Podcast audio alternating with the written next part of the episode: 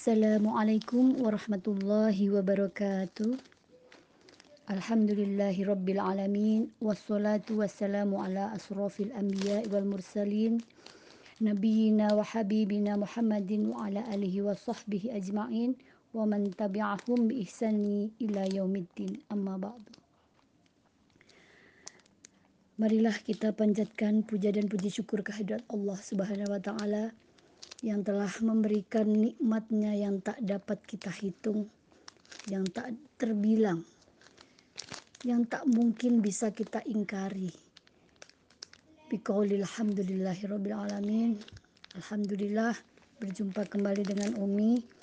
Eh, kemarin posisinya Umi di Lampung. Allah perkenankan hari ini Umi sudah berada di Jogja walaupun Umi masih uh, belum open house ya. Jadi sampai Desember karena bukan hanya corona alasannya ya.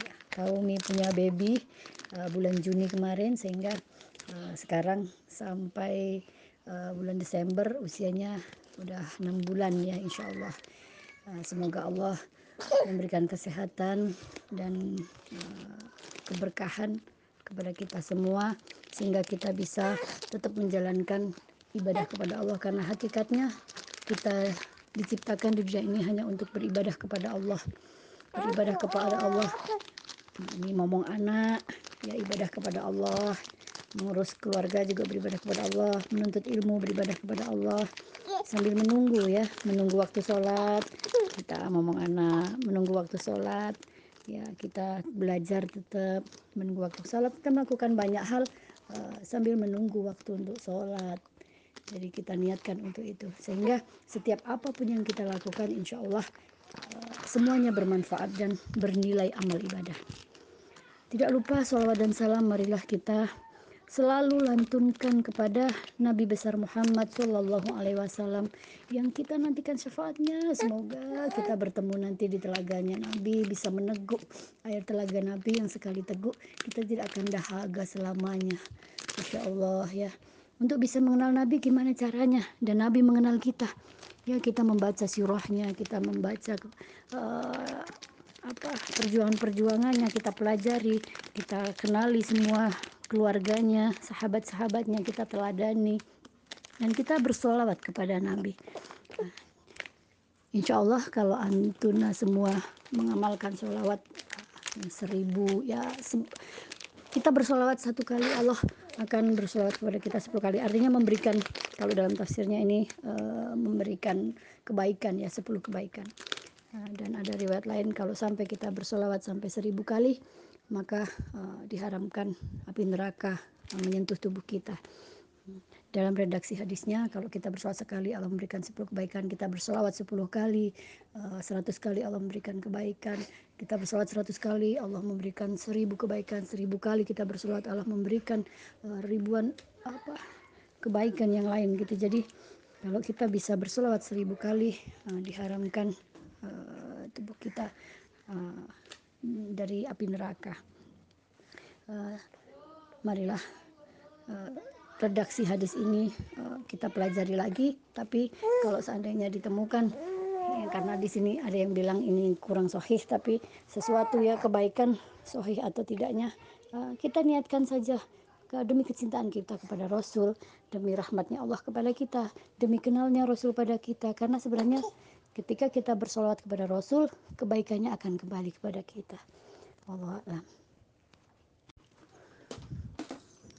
baik sayangku semuanya sebenarnya di awal MDA Umi uh, uh, mengajar semua materi ya dari bahasa Arab uh, ulumul Quran kemudian fikih akidah akhlak bahwa bahkan husorob ya terus kemudian uh, sirah hadis dan lain-lain. Uh, alhamdulillah kemudian uh, MDA punya pengurusan. Eh, terima kasih kepada seluruh pengurus uh, sehingga majelis ini uh, menjadi tersistem ya dan Umi bisa dibantu karena keterbatasan Umi sebagai seorang istri, Umi sebagai seorang ibu dan Umi juga uh, punya jamaah lain. Uh, sehingga Umi sangat terbantu sekali. Terima kasih kepada Mbak Utami yang sudah membantu Umi untuk menyampaikan uh, bidang fikihnya.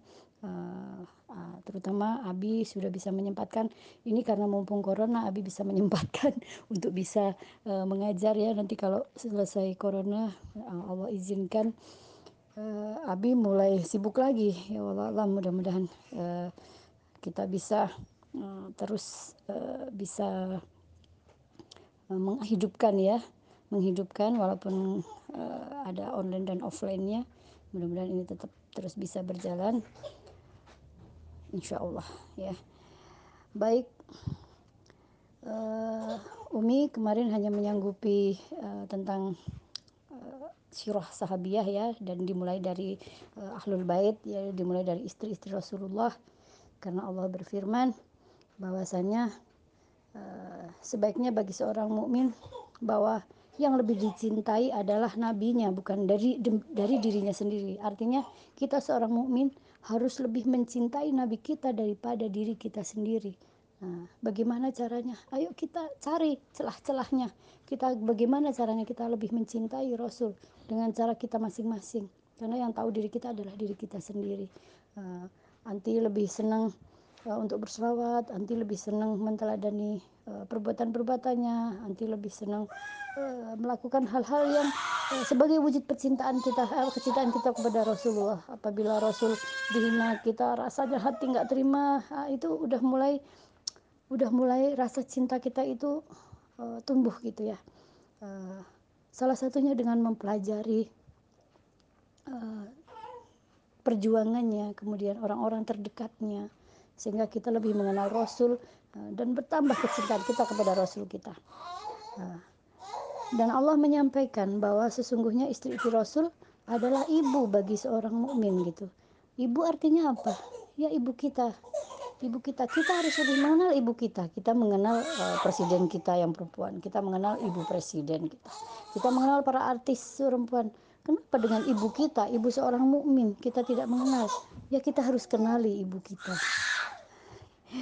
ya adik Hana ya oke kita lanjutkan ya uh, kita ketahui istri pertama Nabi adalah Khadijah ya jadi istri pertama Nabi Khadijah menikah ketika Nabi usia 25 tahun dan Khadijah berusia 40 tahun.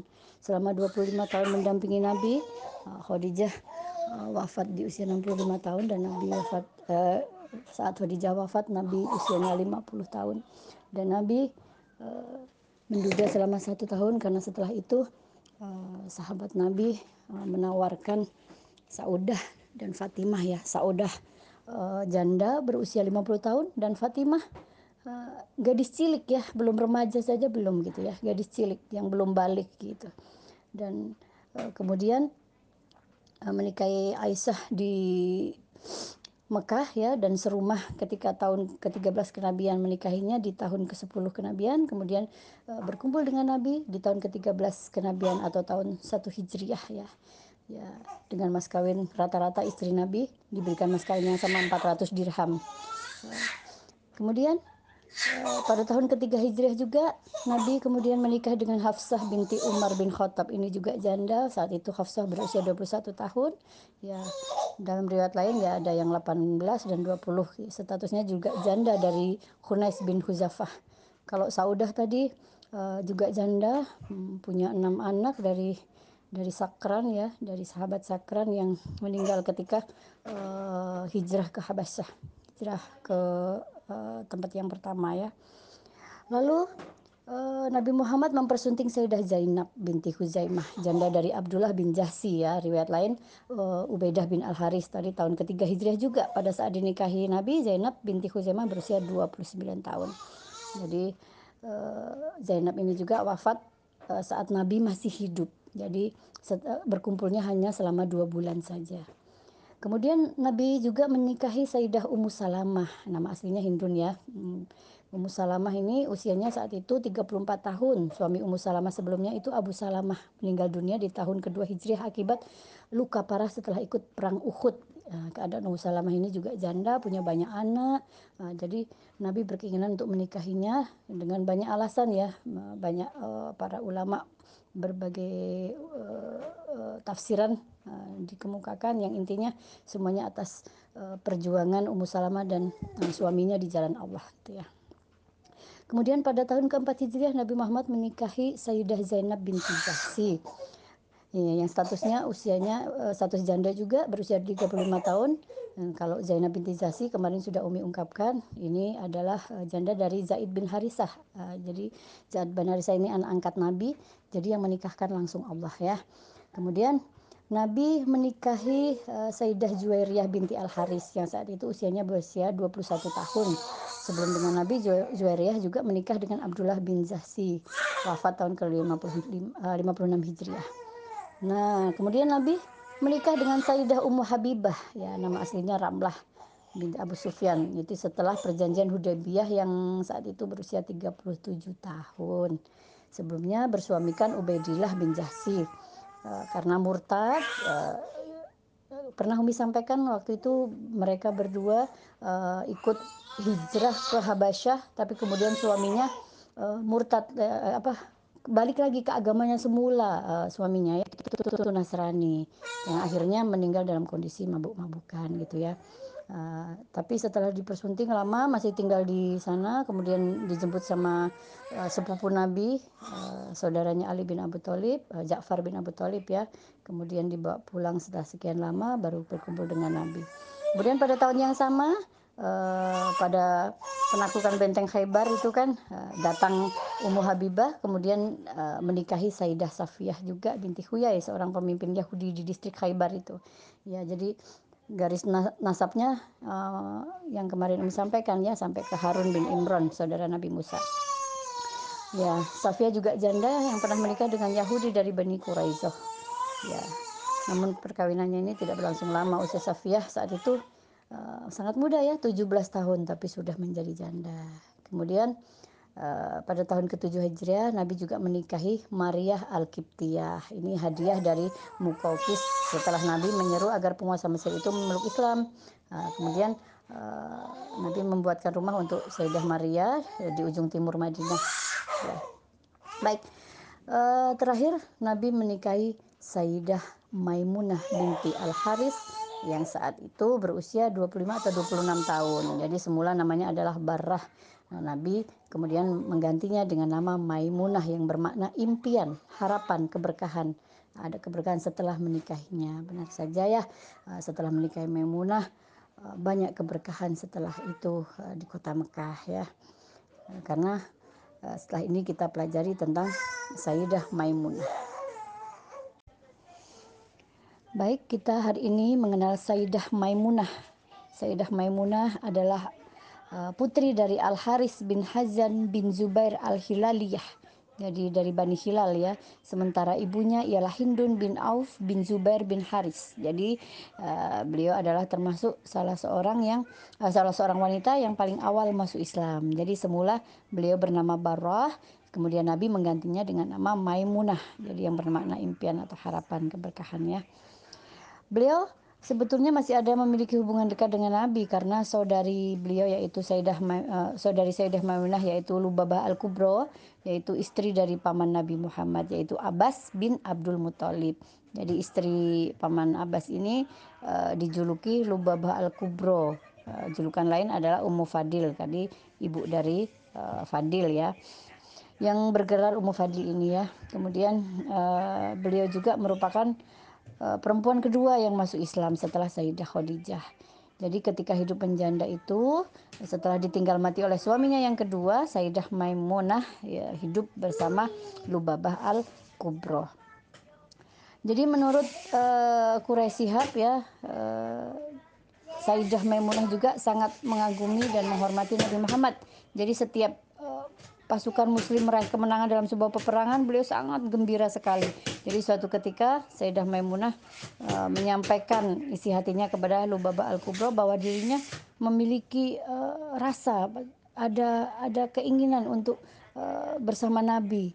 Jadi pernah ada riwayat uh, beliau sedang naik kuda beliau menyampaikan sendiri kepada Nabi bahwa kuda dan apa yang ada di atas tunggangannya ini adalah milik Allah dan Rasulnya begitu jadi ada riwayat lain jadi uh, riwayat yang lain pula uh, Sayyidah Maimunah ini menyampaikan kepada saudarinya, kemudian saudarinya ini menyampaikan kepada suaminya yaitu Abbas, kemudian Abbas meneruskan kepada Nabi. Gayung pun bersambut. Uh, Nabi kemudian meminta sepupunya Nabi yaitu Ja'far bin Abu Thalib untuk melamar Sayyidah Maimunah untuk dirinya. Kita tahu sepupunya Ja'far bin Abu Thalib juga istrinya saudara juga, bersaudara dengan uh, Sayyidah Maimunah. Artinya saudari-saudaranya ini adalah orang-orang uh, dari keturunan terkemuka dan menikah dengan orang-orang terkemuka gitu ya. Lamaran Nabi disambut baik oleh Sayyidah Maimunah yang saat itu Sayyidah Maimunah berusia 26 tahun ketika menikahi Nabi Muhammad. Jadi kejadian ini uh, pada bulan Sawal tahun ke-7 Hijriah ya. Karena pada tahun ke-6 waktu itu uh, gagal gitu ya memasuki kota Mekah dan terjadi memasuki kota Mekah lagi ketika tahun ke-7 Hijriah untuk mengerjakan umroh al-qada yang perjanjiannya waktu itu untuk tiga hari saja. Jadi Nabi Muhammad dan kaum muslimin hendak berangkat umroh pada tahun 6 itu tidak berhasil ya. Jadi tahun ke-7 Hijriah. Baik. Uh, rombongan Nabi Muhammad ke waktu itu melakukan umroh uh, umroh untuk waktu tiga hari ini di hari ketiga dua orang utusan kaum musyrik Mekah yaitu Suhel bin Amr dan Huwaitib bin Abdul Uzza mendatangi Nabi Muhammad dan rombongannya keduanya kemudian uh, mengingatkan salah satu dari isi perjanjian Hudaybiyah di mana Nabi Muhammad hanya boleh uh, tinggal di Mekah selama tiga hari saja Masya Allah gitu ya saat bin Ubadah yang ketika itu berada di sisi Nabi marah gitu. Nabi Muhammad berusaha menengahi. Maksudnya oh, keterlaluan sekali gitu ya. Padahal mereka sudah banyak sekali melakukan uh, nak nanti Umi benerin ya. Udah banyak sekali melakukan pelanggaran-pelanggaran perjanjian tapi selalu uh, dimaafkan gitu ya. Tapi ini uh, tiga hari nggak ada konsekuen, nggak ada penambahan sama sekali gitu ya. Tiga hari udah diusir. Nah, tapi Eh, kepada keduanya Nabi mengatakan bahwa baru saja menikah dengan Sayyidah Maimunah dan akan mengadakan pesta perkawinan. Beliau bermaksud ingin menjamu mereka dengan makanan dan minuman manakala diizinkan untuk tinggal di Mekah barang sebentar lagi. Jadi sayang tapi mereka menolak. Mereka sebenarnya sangat terkejut sekali bahwa Nabi menikahi wanita yang mulia di Mekah itu yaitu uh, Sayyidah Maimunah. Jadi tapi uh, mereka bersikeras untuk menyuruh Nabi lekas meninggalkan Mekah. Jadi uh, ya akhirnya ya uh, Nabi berangkat uh, pulang ke Madinah ya. Nabi Muhammad kemudian memerintahkan pasukan Islam bersiap-siap meninggalkan Mekah setelah peristiwa itu ya. Ya beliau meminta uh, pembantunya Abbas bin Abdul Muthalib yaitu Abu Rafi mengawal Sayyidah Maimunah keluar dari Mekah menyusul rombongan Nabi karena tidak boleh Nabi di situ lebih dari tiga hari. Jadi Sayyidina Maimunah akhirnya bertemu dengan Nabi di daerah Sorof. Daerah Sorof ini nantinya menjadi makamnya Maimunah karena kenangan beliau dengan Nabi Muhammad, beliau akhirnya uh, ingin dimakamkan di daerah Sorof, sekitar 10 km dari Mekah. Kemudian Nabi Muhammad di sini merayakan pernikahannya dengan Sayyidah Maimunah, yaitu wanita terakhir yang dinikahi Nabi, gitu ya. Nabi rombo dan rombongan kemudian ke Madinah setelah uh, perayaan perkawinan selesai. Kita tahu setiap Nabi meminang uh, menikah mas kawinnya adalah 400 dirham. Jadi lantas alasan apa yang mendasari Nabi ingin menikahi Sayyidina Maimunah gitu ya. Pertama tahu bahwa uh, beliau menyerahkan uh, dirinya sendiri kepada Nabi ya. Motifnya apa?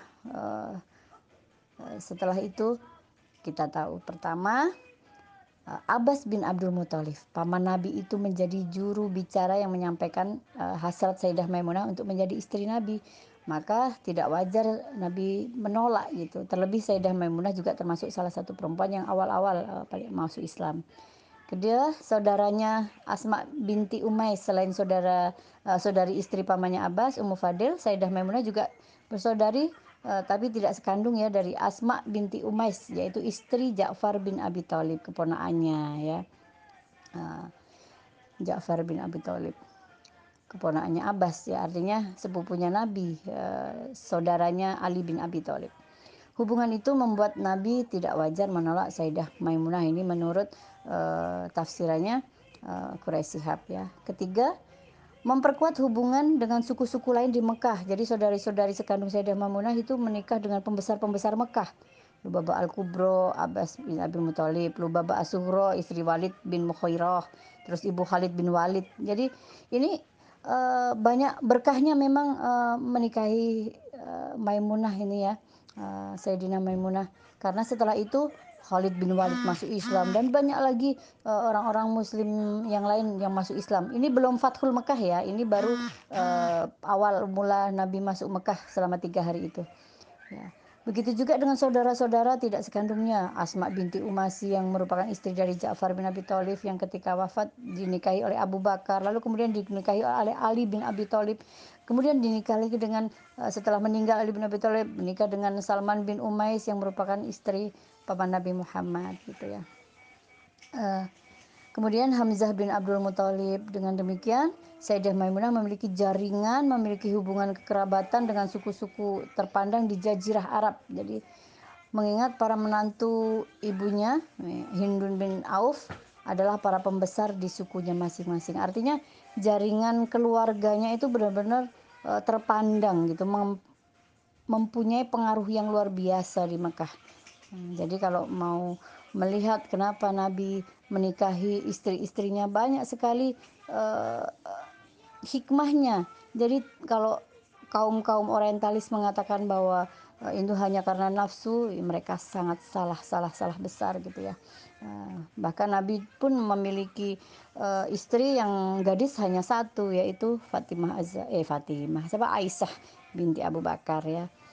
Ya, dengan menikahi Sayyidah Maimunah, siapa tahu para tokoh Mekah akan memeluk Islam dan posisi Nabi semakin kuat karena menjalin kekeluargaan dengan suku-suku terpandang di Jazirah Arab. Ya, jadi betul saja beberapa saat setelah pernikahan itu yaitu yang disampaikan tadi Khalid bin Walid masuk Islam, kemudian menyusul yang lain-lainnya. Kemudian nanti kita tahu bahwa Khalid bin Walid ini adalah pahlawan Islam dan kecakapannya dalam uh, taktik perang sangat luar biasa. Nah, di medan perang menghancurkan musuh-musuh Islam ya. Jadi Sayyidah Mumunah ini dikenal taat beragama, lembut tapi tegas, bijaksana. Uh, Aisyah uh, binti Abu Bakar sendiri, Sayyidah Aisyah ya, istri Nabi yang lain uh, mengakui bahwa Sayyidah Maimunah adalah wanita yang paling bertakwa dan selalu menjaga silaturahim di antara para istri-istri Nabi. Jadi pada saat Nabi Muhammad sakit, jadi sebelum wafat beliau dirawat di Sayyidinah Maimunah. Namun ketika sakit Nabi makin parah, beliau akhirnya dipindahkan ke kamar Sayyidah Aisyah yang ada di samping Masjid Nabawi sesuai kesepakatan semua istri Nabi dan beliau Sayyidah Maimunah ini rela uh, akan itu demi kebaikan Nabi. Jadi Sayyidah Maimunah ini termasuk dari istri Nabi yang paling banyak meriwayatkan hadis setelah uh, Aisyah dan Ummu Salamah. Jadi ada 94 hadis yang diriwayatkan oleh Sayyidah Maimunah. Eh, begitu terkenang uh, dengan pernikahannya dengan Nabi uh, ketika meninggal ya di Sorof beliau ingin diwafatkan eh wafatnya dimakamkan di Sorof tersebut. Ya beliau meninggal pada tahun ke-51 Hijriah ya. Usianya saat itu 80 tahun di masa pemerintahan Muawiyah. Kemudian Eh, yang memimpin sholat jenazahnya adalah Abdullah bin Abbas ya. Anaknya Abbas. Baik uh, mungkin itu hanya sejarah singkat saja ya dari uh, Ummahatul Mukminin ibunda kita semuanya yaitu Maimunah. Uh, kita akan uh, mencari hikmah-hikmah di balik itu bahwa sesungguhnya tidak ada yang lebih penting daripada Allah dan Rasulnya. Selainnya itu ya uh, tidak boleh mengalahkan mereka Nah, selain itu, kita sebagai seorang Muslim, kita lihat bahwa di zaman Rasul ini tidak peduli masalah usia ya, tidak ada mereka memperdulikan usia. Saat itu Nabi usianya sudah hampir 50 tahun ke arah 55 tahun, kemudian 60 tahun. Nah, menikahnya dengan walaupun janda tapi usia mereka masih muda-muda 21 tahun, 26 tahun. Jadi bahwa usia itu tidak menjadi faktor pertimbangan kita untuk memilih seorang pemimpin. Kalau pemimpin itu bisa membawa kita kepada kebaikan di dunia maupun di akhirat, artinya itu lebih utama bahwa agama dan akhlaknya itu lebih utama, lebih bisa kita prioritaskan. Kemudian yang kedua itu nasab ya. Walaupun nasab ini tidak penting, tapi uh, bagaimanapun juga ini nasab mempengaruhi uh, akhlak dan perilaku juga, karena orang-orang terpandang dalam arti bukan masalah uh, kekayaan dunia ya. Ini masalah uh, keturunan yang mulia.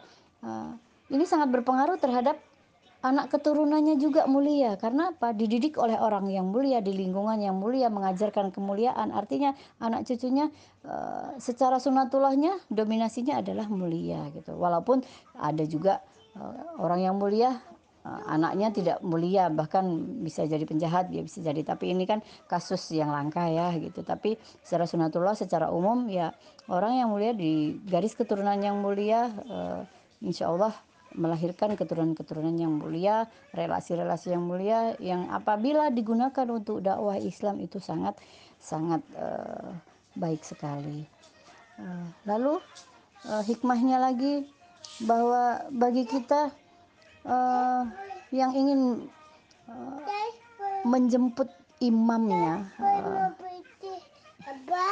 ya ya bagi siapa saja bagi kita seorang wanita yang ingin menjemput imamnya nggak usah malu untuk menyampaikan bahwa kita ingin uh, menikah dengan seseorang. Tapi artinya uh, si perantara ini ya, misalnya Umi ya di rumah ta'aruf. Jadi kalau sekarang tidak ada di rumah ta'aruf, tapi kita juga bisa mempelajari kekufuan orang tersebut gitu. Misalnya Sayyidah Maimunah sangat pantas sekali uh, dipersunting oleh Nabi karena keistimewaan Sayyidah Maimunah tersebut. Jadi kita kalau seandainya merasa kita sekufu dengan seseorang, Uh, jangan merasa sungkan untuk menyampaikan kepada seseorang bahwa uh, seseorang tersebut supaya bisa menyampaikan kepada orang yang kita tuju supaya bisa jadi istrinya. Tapi di satu sisi juga kita harus bertawakal kepada Allah. Kalau memang dia bukan jodohnya kita nggak perlu malu. Ya malu bagus itu sebagian dari iman kita. Hanya itu sesuatu yang sebenarnya patut kita banggakan. Suatu saat seandainya dia jadi jodoh kita, enak uh, Umi dulu waktu menjemput uh, abimu atau mama dulu waktu menjemput papamu uh, mama ini berusaha keras siapalah imam mama ini siapalah yang akan uh, membimbing mama dunia akhirat Umi terus mencari mama terus mencari uh, akhirnya mama punya keyakinan gitu. Bahwa ini adalah imamnya mama. Jadi uh, mama mencoba berusaha begini begitu. Menceritakan dengan bangga. Karena apa? Karena yang kita ceritakan adalah bukan sesuatu yang maksiat gitu. Bukan uh, ya mungkin kalau orang kan uh, gengsi gitu ya. Tidak nggak, perlu gengsi kepada orang yang kalau kita melihat seorang ikhwan uh, akhlaknya baik agamanya baik orangnya mulia kita nggak perlu gengsi. Kita jemput mereka gitu. Tapi di satu sisi kita juga harus siap bertawakal kepada Allah kalau memang beliau bukan jodoh kita, artinya ya, kita belum berjodoh dengan beliau, kita nggak perlu sakit hati. Oh, bukan jodoh saya. Kita cari lagi imam yang lain. Kalau seandainya kita uh, ingin berusaha sekeras mungkin karena tidak sabar untuk menunggu uh, apa imam yang menjemput kita. Kita sama-sama menunggu nanti nggak ada yang jemput ya. Insya Allah. Selanjutnya kita tengok uh, bahwa sebagian besar sahabat-sahabat Rasul, keluarga Rasul dan lain-lain uh, mereka semua adalah mualaf karena awalnya mereka uh, dari orang-orang yang belum mengenal Islam kemudian masuk Islam. Jadi artinya sekarang ini tidak usahlah kita terlalu memper, mempertimbangkan dia mualaf uh, dia tadinya bukan non Islam uh, atau dari kecil dia Islam. Uh, yang penting uh, kita lihat keturunannya adalah orang-orang yang mulia. Terus kemudian agamanya bagus walaupun dia mualaf tapi uh, agamanya sudah bagus akhlaknya bagus gitu perilakunya bagus. Uh, sama seperti zaman Rasul para sahabat itu semuanya kan berawal dari Eh, orang-orang uh, yang tidak mas bukan beragama Islam kemudian masuk Islam. Uh, kemudian mereka belajar agama Islam dan melaksanakannya. Karena yang Umi lihat uh, banyak sekali orang khawatir uh, untuk menikah dengan mualaf. Beda kasusnya ya kalau misalnya kita kenal dengan mualaf kemudian kita beliau mau menikahi kita terus beliau masuk Islam. Artinya masuk Islamnya karena ingin menikahi. Tapi beda dengan mualaf mualaf yang sebelum kenal kenal sama uh, akhwat gitu beliau sudah uh, masuk Islam. Kemudian memang uh, dengan menjalankan syariat Islam beliau tidak pacaran. Kemudian mencari uh, wanita pendamping. Jadi uh, beda kasusnya. Karena masuk Islamnya bukan karena ingin menikah. Karena peraturan Indonesia uh, bahkan peraturan Islam kan melarang orang kafir menikah dengan wanita uh, Islam menikah dengan laki-laki yang kafir tidak boleh gitu. Jadi artinya memandang seseorang jangan uh, melihat bahwa dia baru masuk Islam atau sudah lama masuk Islam bahkan dari kecil karena tidak menentukan kita saja yang dari kecil dari jebang bayi mungkin terus kemudian lahir uh, tergantung orang tuanya Islam atau enggaknya gitu ya. Uh, kemudian kita Islam dari kecil belum tentu keimanan kita kualitas akidah kita kemudian akhlak kita itu lebih baik dari mereka yang baru-baru masuk Islam gitu karena uh, pengalaman menunjukkan sejarah menunjukkan bahwa orang-orang yang masuk Islam karena hidayah kualitas akidah mereka sangat luar biasa. Banyak sekali kisah-kisah ya uh, kita bisa pelajari. Uh, lalu kemudian hikmah selanjutnya bahwa bagi kita seorang akhwat bahwa surga kita setelah orang tua kita kalau sudah menikah adalah jalan surga yang tercepat adalah suami kita. Mencari ridho suami uh, akan susah sekali kalau kita uh, tidak bertemu dengan seseorang yang baik agama dan akhlaknya. Seberapapun yang kita lakukan perjuangannya, dia susah meridhoi kita. Dia tuntutannya banyak, menyusahkan kita. Akhirnya lama-lama kita tergoda untuk menjadi melawan. Artinya bukan durhaka ya. Artinya kita susah untuk berbuat baik karena uh, seyogianya sebagai manusia kita juga menginginkan hal yang sama dari suami gitu. Tapi kalau memang suami adalah orang yang baik agama dan akhlaknya menjalankan syariat dengan benar, kemudian kata Rasul sebaik-baik kalian adalah yang paling baik terhadap keluarganya maksudnya istrinya. Nah, kalau kita mendapatkan laki-laki uh, yang baik dari orang mukmin atau muslim yaitu yang paling baik memperlakukan istri dan keluarganya, artinya kita adalah orang-orang yang beruntung. Dan untuk mendapatkan itu masihkah kita uh, terus berpikir apa pendidikannya, apa sukunya, yaitu pertimbangan-pertimbangan dunia uh, bagus tapi kalau kita terlalu banyak dominan mempertimbangkan hal dunia uh, khawatirnya nanti akan menyesal karena sudah banyak sekali kejadian sama-sama ganteng, sama-sama sarjana, bahkan mungkin ada yang satu dokter, satu uh, dosen gitu. Terus kemudian kaya-kaya, wajahnya ganteng, cantik, keturunannya dari orang-orang terpandang, misalnya pejabat dan lain-lain. Tapi dalam perjalanannya akhirnya ada pil will apa ya pil will ini? Pil itu yang bisa diminum ya.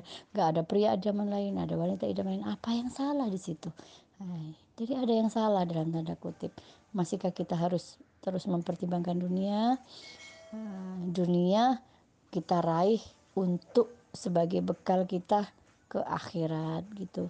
Jadi akhwat fillah uh, coba kita renungkan diri bagi kita yang sudah menikah maupun belum menikah renungi diri kita sesungguhnya bahwa uh, apa yang kita cari di dunia ini ya?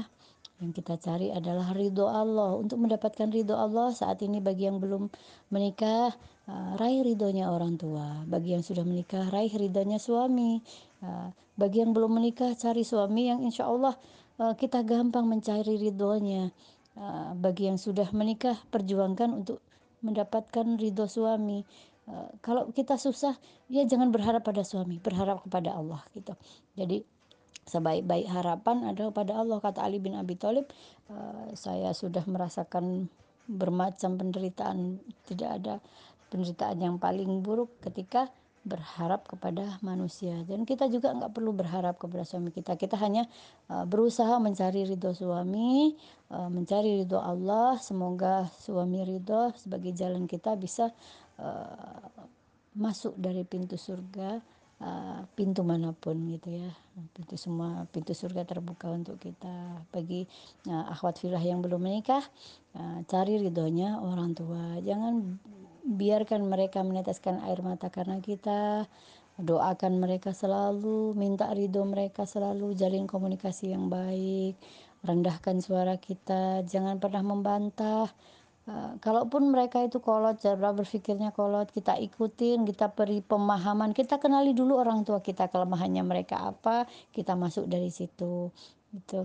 Jadi kadang-kadang kita juga harus belajar uh, psikologi ya, psikologi supaya kita bisa um, memperlakukan setiap orang dengan uh, karakter mereka. Jadi Umi juga terus belajar karena siogianya manusia itu terus berubah ya. Kita coba kenali teman-teman kita waktu kecil hingga dewasa. Kecil kita mengenal begini, waktu remaja kita ketemu dia begini, waktu dewasa ya berubah, kecilnya nakal ya besarnya baik, semuanya uh, terpengaruh ya. Lingkungan, ilmu, kemudian uh, komunitas ya termasuk pendidikan juga semuanya berpengaruh membentuk karakter kita. Wallahu a'lam. Jadi uh, hari ini cukup sekian, semoga uh, kita bisa merenungi diri kita sendiri ya, kita renungi sebenarnya apa yang kita cari di dunia ini uh, belajar dari istri-istri Rasul kita sangat-sangat jauh. Walaupun singkat uh, kita kalau mau mempelajari detil bahkan kita bisa sampai menangis kalau kita pelajari sedetail-detailnya dengan cara yang berbeda. Kalau tadi kan dari sisi sejarah saja ya sejarah tahun ini. Jadi kayaknya kurang menjiwai, menjiwai. Jadi nanti coba kenali lagi lebih dalam eh, sisi-sisi uh, yang lain gitu selain hanya sejarahnya saja sejarah secara biografi dan lain-lain gitu. Uh, ahlaknya peristiwa-peristiwa itu jadi kita pelajari ya, itu akan membuat kita uh, berhati lembut. Kemudian uh, mengingatkan kita bahwa dunia ini hanya sementara tidak tidak terlalu penting gitu. Ya namanya iman kadang naik kadang turun. Saat naik ya kita mungkin uh, menjadi orang yang bisa mengukur diri. Tapi saat iman turun nah kita nggak peduli pinginnya ya ini sesuai dengan pandangan dunia ya. Nah ya itu tapi kita selalu berlindung kepada Allah. Semoga Allah menjaga kita menjaga keistiqomahan kita. Uh, jangan lupa selalu uh, sholat hajat kepada Allah. Semoga kita selalu diberi petunjuk Allah alam. Uh, kita akhiri. Assalamualaikum warahmatullahi wabarakatuh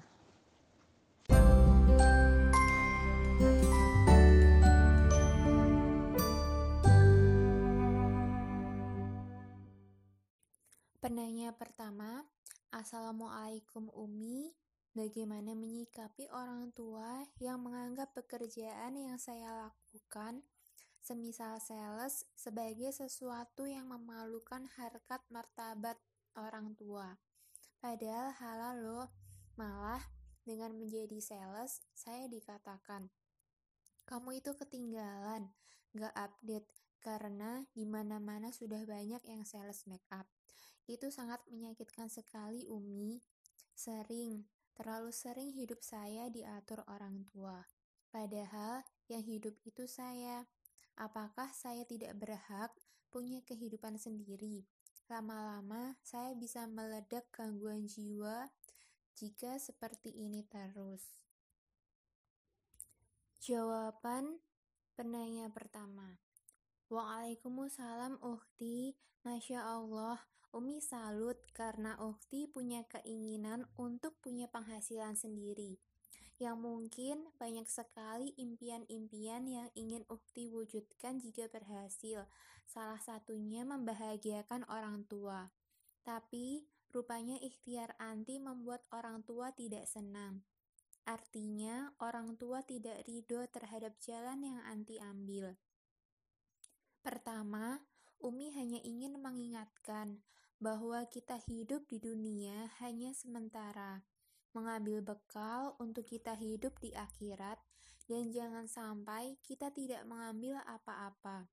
Jadi, hakikatnya yang harus kita fokuskan, cari ridha Allah, jalan tercepat ridha Allah Subhanahu wa Ta'ala bagi seorang wanita yang belum menikah adalah ridha orang tuanya. Selagi yang dilarang orang tua kita adalah sesuatu yang bukan diperintahkan Allah, kita harus taat. Tentu, kita juga punya kesempatan untuk memberikan penjelasan dengan cara lemah lembut, tetapi tetap dalam bingkai taat. Yang kedua, bagi wanita yang belum menikah, tidak diwajibkan mencari nafkah, karena itu adalah tanggung jawab ayah Ahwat. Dan setelah menikah itu adalah tanggung jawab suami. Tetapi bukan berarti wanita dilarang berniaga atau berdagang. Hanya mungkin cara berdagang yang bagaimana yang harus anti cari celahnya. Coba komunikasikan dengan orang tua. Sebenarnya apa yang mereka inginkan dan anti cari solusi-solusi lain dalam berniaga, seperti memasarkan secara online, dan lain-lain. Kembangkan diri, ikuti seminar dan pelatihan-pelatihan pebisnis muda. Semoga Anti menemukan cara yang Anti sukai dan orang tua ridhoi. Kadang, sesuatu yang halal belum tentu baik buat seseorang. Tidak ada yang salah dengan profesi sales, dia juga bagian dari marketing, berjualan, berniaga. Tetapi, marketing juga banyak caranya.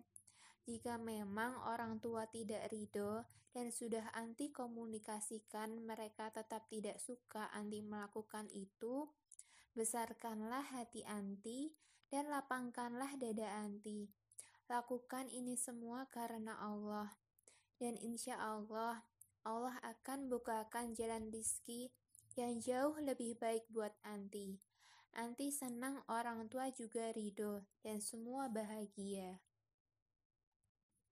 Penanya kedua, Bismillah. Assalamualaikum Umi, semoga selalu sehat dan dalam lindungannya.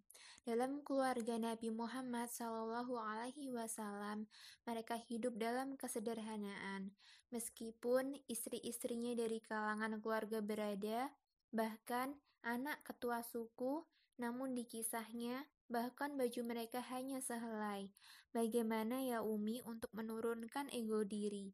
Misal ketika sedang bertaaruf, ada ikhwan yang meminta hidup sederhana, namun juga ahlaknya kita belum tahu apakah sebaik yang dikenal orang-orang atau aslinya. Saya pernah membaca, sifat asli seseorang itu muncul saat sudah menikah. Mohon nasihatnya Umi, karena saya berkeinginan menjadi ibu rumah tangga. Namun, rata ikhwan yang bertaaruf dengan saya penghasilannya pas-pasan. Bagaimana belajar untuk kona'ah seperti istri-istri Nabi? Bukankah Islam tidak membenci kekayaan? Sedangkan realita zaman sekarang apa-apa serba mahal. Afwan, anak butuh nasihat Umi. Jazakillahu khair. Jawaban untuk penanya kedua. Waalaikumsalam uhti, para istri Rasulullah Shallallahu Alaihi Wasallam serta para sahabiah, mereka bukannya miskin, Miskin itu berbeda dengan sederhana. Sederhana itu adalah cara hidup, sementara miskin adalah kondisi hidup. Jika kita mau mempelajari secara detail Nabi dan para istri, berapa mereka beroleh harta di dunia, maka kita akan tercengang bahwa kita bukan apa-apanya. Banyak dari kalangan sahabat, tabiin, Terus sampai sekarang para ulama kita sebagai pewaris Nabi, mereka tidak diragukan kekayaannya. Mereka tidaklah miskin, tetapi mereka hidup dengan cara yang sederhana. Harta tidak di hatinya. Banyak-banyak pelajari kisah-kisah awal para ulama yang awalnya hanya santri miskin mengajar murid-muridnya. Mereka tidak takut miskin, mereka tidak khawatir akan rizki Allah bahwa rizki sudah ditetapkan bagi kita saat ruh ditiupkan ketika kita dalam rahim ibu kita. Dan mereka tidak merasa miskin, mereka selalu merasa cukup. Lalu, ke mana harta mereka jika begitu? Kok tidak tampak mewah? Karena harta mereka dibelanjakan di jalan Allah Subhanahu wa Ta'ala. Ketika anti ta'aruf, kembali Umi tekankan, pelajari agama dan akhlaknya, mencakup tanggung jawabnya. Hati penyayang ya, pelit atau pemurah, pekerja keras atau pemalas, bodoh atau pecinta ilmu, dan terus mau belajar dan bertumbuh. Punya visi misi atau tidak, keinginannya apa, apa yang sudah dilakukan selama ini, dan lain-lain. Artinya, semua itu gambaran ke depan. Apakah ia akan berhasil mewujudkan semua impian-impiannya itu dan selaras atau tidak dengan kita? Kenapa Ikhwan selalu ingin ahwat yang bisa diajak hidup sederhana? Karena itu sangat langka. Untuk bisa mencapai kesuksesan, orang harus berjuang. Dan mereka akan mencari teman seperjuangan. Sementara Mencari ahwat yang diajak senang dalam kesuksesan sangat gampang. Dan kenapa rata-rata ikhwan yang ingin bernikah itu orang yang masih berjuang? Ya, karena mereka masih muda, baru mandiri dan lepas dari orang tua mereka. Tanggung jawab nafkah, baru lulus sekolah atau kuliah, baru kerja, baru mencoba dagang ini dan itu. Jika ingin mencari ikhwan yang sudah mapan, mungkin harus cari yang keturunannya orang kaya atau yang usianya sudah sangat dewasa. Artinya sudah lama bekerja, jadi bisa menabung dan mengembangkan usahanya. Jika anti masuk pada keduanya, harta orang tua bisa habis jika tidak pandai menjaga dan mengembangkannya. Bahkan akan sulit di masa tua. Jika anti bersama orang yang sudah sukses dan tidak ada andil anti di dalamnya, mungkin anti akan merasa tidak nyaman ke depannya, kecuali mereka baik agama dan akhlaknya. Memang tidak semua seperti itu, tetapi peran istri yang membersamai suami dari nol hingga sukses, proses-proses di dalamnya akan menumbuhkan benih-benih cinta serta semakin dalam hubungan antara suami dan istri, juga keluarga besarnya. Tapi intinya sayang, mintalah segala sesuatu pada Allah, dan anti tidak dilarang minta apa pun jika permintaan itu membuat anti lebih dekat pada Allah. Itu adalah baik. Wallahu alam.